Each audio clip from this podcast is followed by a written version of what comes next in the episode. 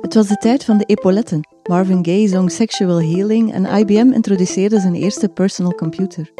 En in Vlaanderen zag in 1983 een tijdschrift over technologie en wetenschap het levenslicht, EOS. Het magazine bestaat nog steeds, maar is vandaag veel meer dan papier. Op zijn 40ste verjaardag blik ik graag terug en vooruit. Je luistert naar Vraag het aan, een podcast van EOS Wetenschap. Ik ben Lisbeth Gijssel en ik heb vandaag Raf Scheers uitgenodigd. Hij is behalve mijn baas hoofdredacteur van EOS Wetenschap. Niemand beter dus dan hij, die ons alles kan vertellen over wetenschap en wetenschapsjournalistiek in Vlaanderen.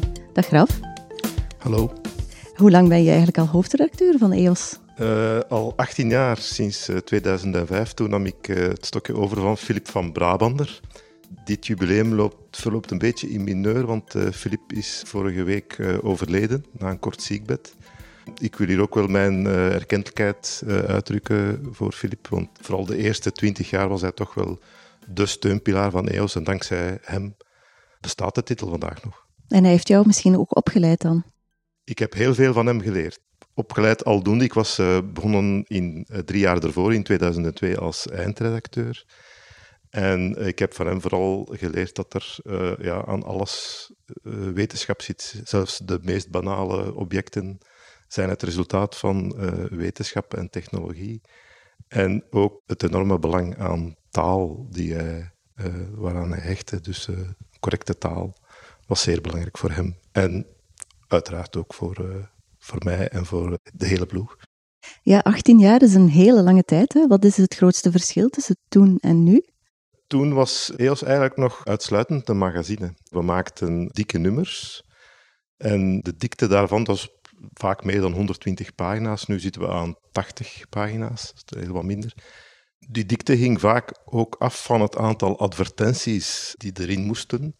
En dat varieerde nogal. EOS werd toen in de markt gezet voor de adverteerders als een mannenblad. Dus er zaten zeer veel advertenties in van auto's, uh, horloges, dranken. Sigaretten ook, dacht ik. Hè? Nee? Sigaretten, maar toen ik begon was het, uh, mocht het niet meer. Uh, dus maar zeker in de eerste jaren veel sigaretmerken, inderdaad. En wij maakten nummers een beetje ja, met een voorraad aan artikelen eigenlijk. Dus er was een hele voorraad aan artikelen. En afhankelijk van de dikte van nummer plaatsten we meer of minder artikelen uit onze voorraad. Die verhalen hadden dan ook een zekere tijdloosheid. Nadien is natuurlijk het internet doorgebroken. Internet bestond al, maar de, de grote doorbraak moest nog komen. En dat heeft de werking natuurlijk veranderd. Uh, niet alleen de werking van de redactie, waardoor dat we niet meer met blauwdrukken over en weer naar de drukker moesten gaan. Wat is een blauwdruk? Een blauwdruk is een, uh, een dummy van het nummer, dus een versie van het nummer, maar op van dat blauwig papier gedrukt, dus niet in kleur. En daarop kon je dan correcties uh, aanbrengen met pen en die gingen dan naar de druk. En nu gebeurt alles met de computer en met internet. Ja, en dat heeft natuurlijk veel veranderd. Hè. Mensen kunnen nu heel wat informatie op het internet vinden, vaak gratis, dus ook over wetenschap en technologie. En het abonneebestand van EOS begon ook terug te lopen. Hè. EOS is altijd een sterk abonneeblad geweest van in het begin. Dat begon terug te lopen en ook de uh, advertentiemarkt veranderde compleet, stuikte een beetje in elkaar. Dat is trouwens ook iets wat bij andere uh, bladen het geval was. En dan moesten we toch wel onze, onze werking ook wel veranderen. We zijn toen ook wat meer op de actualiteit gaan focussen en ook meer een, een journalistieke koers gaan varen met meer, meer relevante stukken te brengen, ook meer opinie en duiding. Um, en ook een uitbreiding naar andere wetenschappen. EOS was in het begin vaak ja, een beetje in de markt zit als een technologieblad. Met, met aandacht ook voor de wat hardere wetenschappen, de klassieke wetenschappen.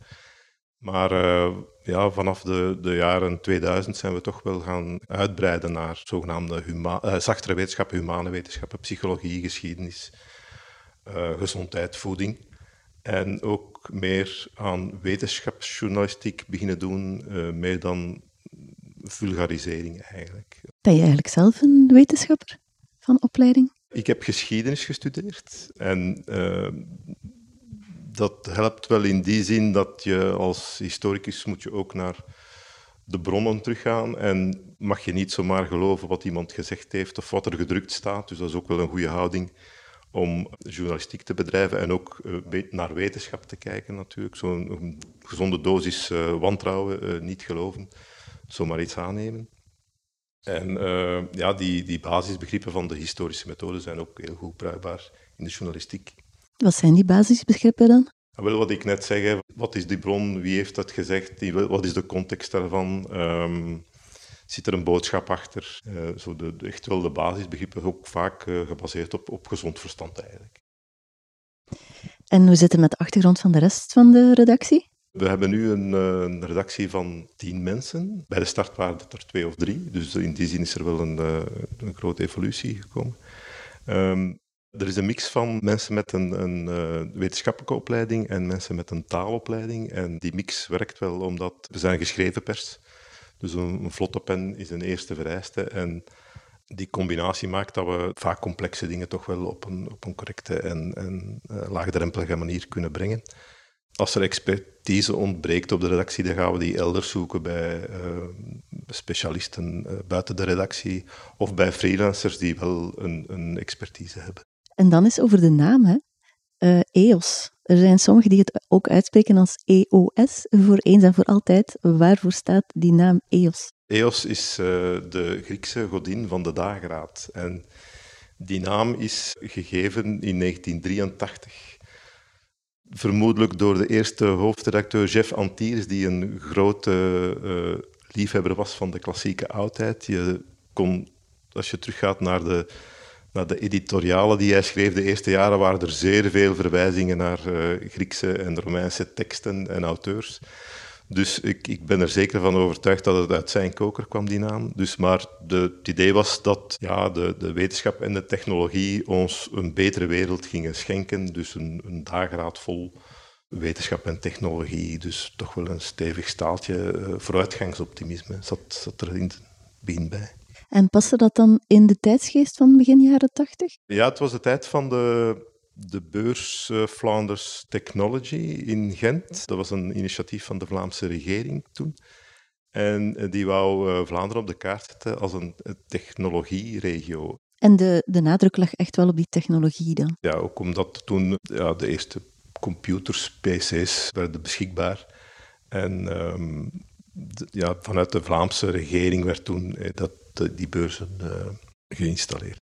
Ja, ik herinner mijzelf nog wel een bord langs de autosnelweg met een hand van een robot en een hand van een mens die elkaar de hand Ja, dat klopt. Dat was het, uh, het, het, het, heel typische beeld. De, de eerste cover van uh, EOS had een, een, een oog, wat ook een beetje in dezelfde sfeer zat, een beetje futuristisch.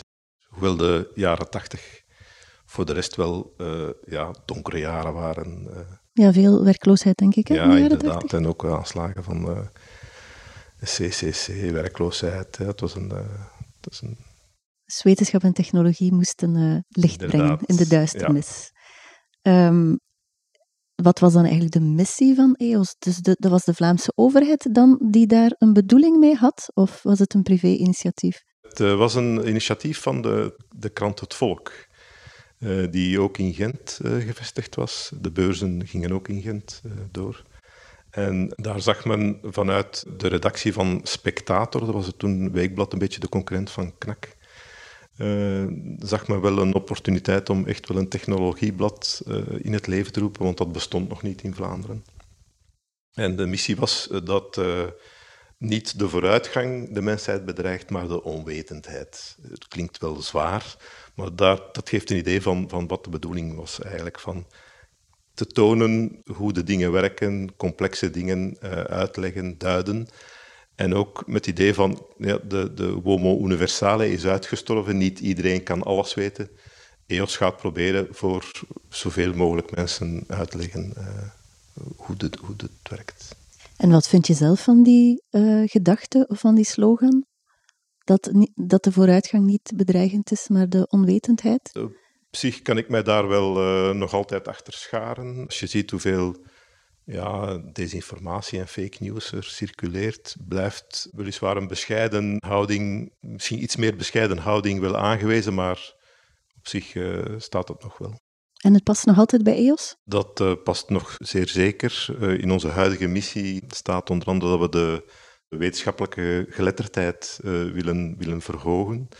En dat doen we door de wetenschappers aan het woord te laten, om te, zien, om te laten zien hoe wetenschap ingrijpt in ons dagelijks leven. En ook uh, hoe we die stroom aan, aan fake news en desinformatie kunnen tegengaan. In andere media zie je dat dat nieuws altijd maar sneller en, en korter en uh, meer moet allemaal snel behapbaar zijn. Wat wij proberen te brengen is een beetje ja, meer diepgang en kijken hoe, hoe wetenschap werkt, want ik denk dat weinige media dat doen. Dus kan ik het samenvatten als EOS is wel actueler dan vroeger, maar brengt nog altijd meer diepgang en is toch nog iets trager dan andere media. We zijn iets trager en onze focus ligt op wetenschap. Dat maakt ons een beetje uniek in het medialandschap. Maar je, je, je hebt het juist samengevat. EOS, ja, velen associëren het nog altijd met een maandblad over wetenschap en technologie. Klopt die associatie nog? Niet helemaal. Het uh, magazine bestaat nog altijd en heeft een trouw lezerspubliek, die dat misschien een beetje ouder is. Maar we, intussen zijn we online zeer actief. We hebben drie uh, websites. Onze algemene website uh, eoswetenschap.eu. We hebben een, web, website, uh, Iedereen Wetenschapper, over citizen science. En een, een website over voeding, EOS En daarnaast hebben we een pak, pak nieuwsbrieven die we wekelijks naar ja, toch wel veel adressen uitsturen. En je vergeet nog het mooie magazine Eels, Piche en Brein. Uiteraard, daar kan jij meer over vertellen, Lisbeth. Maar vertel eens iets meer over die drie websites. Wat is het verschil tussen de drie? Je hebt al gezegd algemeen voeding en citizen science, maar waarvoor moet je daar zijn op die website? Uh, bij uh, de algemene website moet je zijn voor uh, nieuws en achtergrond. Daar brengen we ook een pak blogs van, van wetenschappers. Een, een, achtergrondverhaal dus. Bij, bij iedere wetenschapper gaat het echt wel over citizen science projecten waaraan de burgers kan deelnemen. Bij uh, EOS Tracé proberen we het traject van uh, voedingsmiddelen na te gaan, van op het veld tot op ons bord, zelfs tot recyclage. Dus uh, we zitten nu aan, denk ik, een 50, 60-tal voedingsmiddelen die we helemaal uitgeplozen hebben. En EOS, het maandblad, gaat dan over wetenschap en nog een beetje technologie? Ja, gaat nog altijd over eh, wetenschap en technologie, dat blijft de, de kern. Ja, en EOS Psych en Brein gaat over psychologie en hersenwetenschap, zal ik aanvullen. Uh, welk artikel of, of reeks van artikels heeft uh, in al die jaren dat jij hoofdredacteur bent het meeste stof doen opwaaien? Um, we hebben verschillende spraakmakende dossiers gebracht, uh, bijvoorbeeld over de, de wapenindustrie in, in België. En, en, dat blijft eigenlijk vandaag ook nog wel relevant, omdat je, dat heel veel technologie wordt, heeft een dubbel gebruik.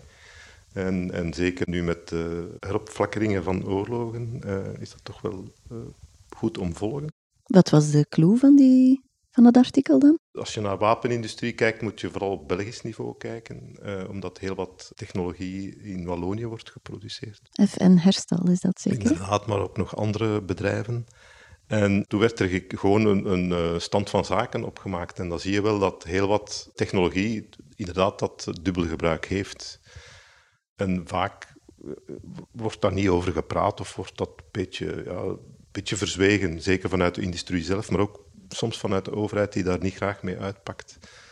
Nu, we hebben ook nog wel de pers gehaald met artikelen over nep-universiteiten hier in Vlaanderen die uh, dus gewoon adressen, gewoon hier in Antwerpen ook, waar organisaties gevestigd zijn, universiteiten, maar dat bestaat uiteraard niet, en die verlenen nepdiploma's, dus die kan je kopen. Dat kwam omdat uh, de wetgeving hier in Vlaanderen vrij lax was en het ook heel gemakkelijk is om een VZ2 op te richten in Vlaanderen. Intussen is daar wel door de overheid paal en perk aangesteld. Dankzij EOS dan? Een stuk wel. Ik denk dat we toen toch wel tot in het parlement zijn geraakt met die reeks. We hebben ook een dossier gebracht over wetenschapsfraude. En uh, toen hebben, dat was een eigen enquête onder uh, medische wetenschappers. En toen bleek dat er 1 op de 12 toegaf toch wel af en toe iets te cijfers te masseren of wel wat te verdoezelen. Soms zelfs echt data te verzinnen. In de nasleep van dat artikel is de Vlaamse Commissie Wetenschappelijke Integriteit opgericht. Die was al in oprichting, maar onze artikelreeks heeft die zeker uh, versneld. Um, dat zijn toch wel belangrijke reeksen geweest. Ja, dus EOS heeft soms ook wel echt invloed op het beleid. Ja, we worden denk ik wel gelezen door beleidsmakers. En op welke realisatie van de afgelopen jaren ben je het meest trots als hoofdredacteur? De redding van, van EOS een viertal jaar geleden. Uh, het voortbestaan kwam, eh, kwam in gevaar en toen hebben we EOS kunnen redden. Dat is niet mijn verdienste, maar van de hele ploeg, ook van de directie. En, en heel de redactie heeft zich ook staande gehouden en meegegaan in de nieuwe plannen. En uh, ja, vandaag bestaan we nog. Vertel eens, de redding van EOS. Dat klinkt intrigerend natuurlijk. Uh, ja, we waren een, een beetje een speelbal geworden van een eh, wat van grotere uitgeverijen, waar we dan bij een pakket zaten dat doorverkocht werd. En er moest een oplossing gevonden worden voor de titel EOS uh, Versta, hij moest verkocht worden of ophouden te bestaan. En toen hebben we EOS verzelfstandigd, hebben we er een redactionele VZ2 van gemaakt. Dus we zijn nu een non-profit organisatie eigenlijk. En we hebben steun gezocht bij de, de Vlaamse overheid en we hebben die ook gevonden. Dus voor een stuk wordt de redactie uh, gesubsidieerd. dat gebeurt via het uh, departement Economie, Wetenschap en Innovatie. En ja, dankzij die steun kunnen wij eigenlijk vandaag onze missie, namelijk onafhankelijke wetenschapsjournalistiek, kunnen we die nog ten volle uitoefenen. Hoe belangrijk zijn die subsidies voor EOS? Die zijn belangrijk, maar het zijn niet onze enige inkomsten. Daarnaast uh, hebben we natuurlijk onze abonnees. Abonnees zowel op, op de magazines uh, EOS en EOS Psyche en Brein, maar ook onze nieuwsbrieven. We hebben een aantal betalende nieuwsbrieven. Daarnaast zijn we ook de piste aan het onderzoeken om meer uh, giften en sponsorships aan te trekken. En daar gaan we de komende jaren toch ook wel proberen wat vooruitgang te boeken. Ja, en voor alle duidelijkheid, uh, mensen die hun geld aan EOS geven, die geven het dus aan een vereniging zonder winstoogmerk, dus EOS maakt geen winst. Nee, dat klopt. Al wat in EOS gestoken wordt, gaat naar wetenschapsjournalistiek. Dus het zijn geen uh, aandeelhouders die uh, rijk worden van wat, wat wij doen. Nee, nee, alles wordt terug geïnvesteerd in, in kwaliteitsvolle journalistiek. Waarom is EOS volgens jou nodig? Uh, om die, die onafhankelijke wetenschapsjournalistiek in Vlaanderen toch wel in stand te houden. Het is ook belangrijk dat uh, mensen weten waaraan geld dat naar wetenschap gaat, wat daarmee gebeurt. En daar, die verhalen brengen wij. Dus bij ons kan je lezen wat er met het belastinggeld gebeurt in het vlak van uh, wetenschap en technologie. hoe ga je eigenlijk om met controversiële onderwerpen, zoals genetische modificatie of proefdieren? Uh, we gaan die uh, niet uit de weg, maar we volgen wel, wel de wetenschappelijke consensus rond, rond die uh, topics. We proberen proportioneel te werk te gaan, dus we gaan tegenstemmen wel aan het woord laten, zolang die kritiek wel goed onderbouwd is en niet gebaseerd is op pseudowetenschap of pure nonsens is. Dat neemt niet weg dat bepaalde inzichten veranderen natuurlijk. Wetenschap en ook wetenschapsjournalistiek is ook een zaak van voortschrijdend inzicht natuurlijk. Ja, alternatieven voor dierproeven bijvoorbeeld. Die brengen we zeker en daar hebben we eh, veel aandacht voor, inderdaad. Ja. Hoe bepaal je eigenlijk wat EOS brengt en wat niet? Wat zijn zo de criteria? Het belangrijkste is de, de maatschappelijke relevantie uh, van een onderwerp. En daar speelt die journalistieke reflex. Hè. Dus kijken uh, wat er speelt in de samenleving, ogen en uh, oren open houden en, en een beetje de vinger aan de pols houden en, en daarmee ja, verhalen brengen die, die belangrijk zijn. En ligt de focus dan vooral op Vlaanderen of op de hele wereld? Beide. We proberen wel altijd vanuit Vlaanderen te vertrekken. Niet alleen Vlaanderen, maar ook in Nederland. Ook naar Nederland te kijken, waar we al uh, ja, bijna van in het begin eigenlijk toch wel ook een, een, trouwe publiek hebben. Maar we gaan uiteraard uh, ruimer kijken. Hè. Ik bedoel, de belangrijkste wetenschap wordt nog altijd in de Verenigde Staten en uh, het Verenigd Koninkrijk bedreven. Dus dat volgen we zeker. We hebben ook een licentie meer dan twintig jaar op Scientific American. Dus we hebben toegang tot artikelen van dat, ja, dat monument uit de Amerikaanse wetenschapsjournalistiek. En die verhalen zijn een mooie aanvulling op, op verhalen van hier.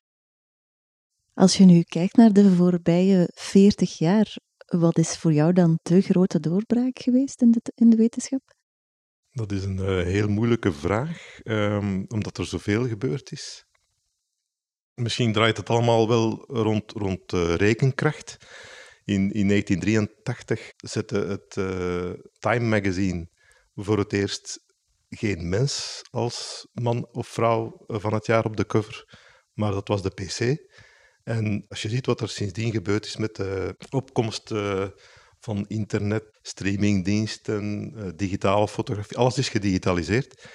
En die toegenomen rekenkracht zie je ook in andere domeinen. Als je nu kijkt naar de astronomie, denk ik aan de, ja, de ontdekking van exoplaneten, de meting van zwaartekrachtgolven, foto van het zwart gat. Allemaal mogelijk dankzij die uh, toegenomen rekenkracht.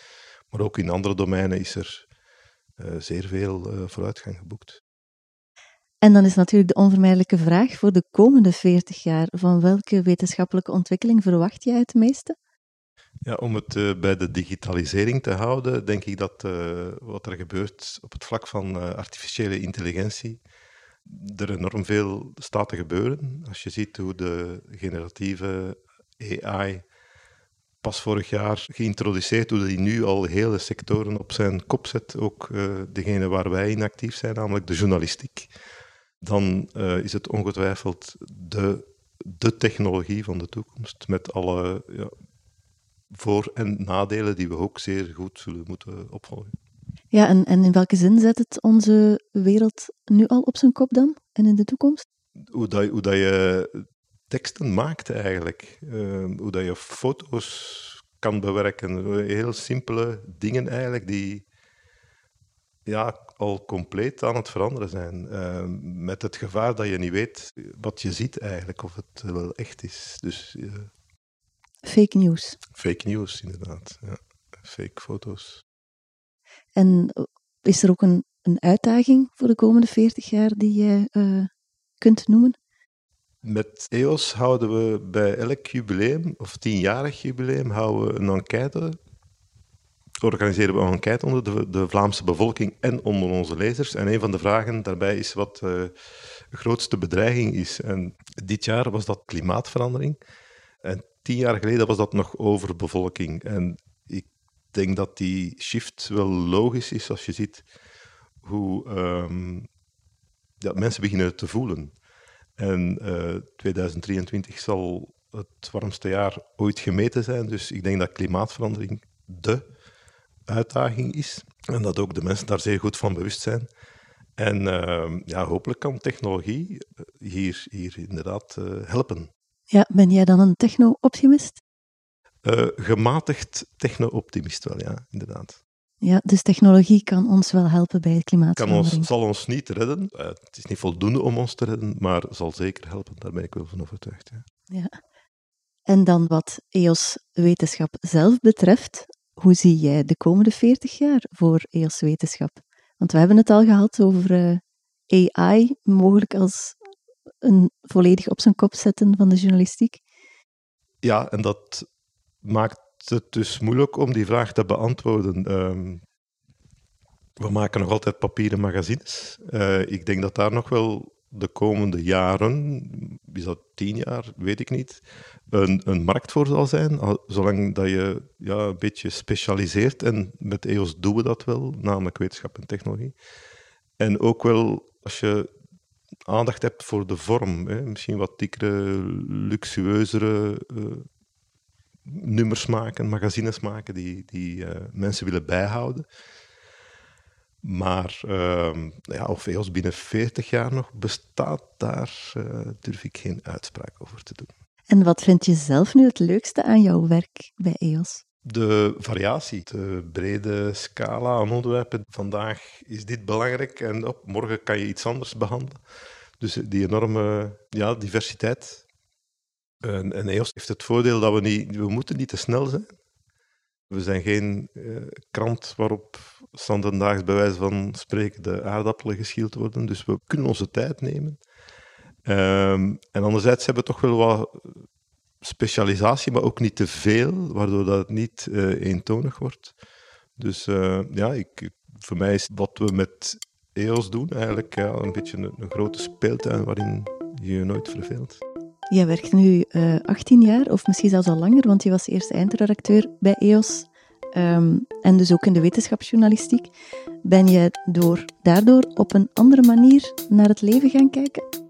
Uh, ja, toch wel. Uh, het besef dat, dat wetenschap bijna alle aspecten van, van ons leven beïnvloedt. En dat we ja, niet, niet minder, maar meer wetenschap nodig hebben om, om grote problemen, zoals klimaatverandering bijvoorbeeld, maar ook energie, mobiliteit, veiligheid, uh, dat we die nodig hebben om die aan te pakken. En ja, ik, ik ben geen wetenschapper, maar ik probeer soms wel met die blik van de wetenschapper te kijken uh, naar de wereld. Dus ja, afgaan op, op feiten, op bewijs. Ja, en dan komen we misschien terug bij de blik ook van de historicus in jou. Die sluit daar goed bij aan, want uh, ik, ik heb gezegd dat ja, alles is wetenschap, maar eigenlijk is behalve wat binnen uh, twee seconden gebeurt, is ook alles geschiedenis. Ja, dat lijkt me een mooi idee om mee af te sluiten, Raf. Heel erg bedankt voor het gesprek. En jij, luisteraar, dank je wel om te luisteren naar deze podcastaflevering. Dit was Vraag het aan, een podcast van EOS Wetenschap. Wil je graag op de hoogte zijn van nieuwe afleveringen? Schrijf je dan in op onze gratis nieuwsbrief. Dat kan via eoswetenschap.eu. Tot de volgende keer.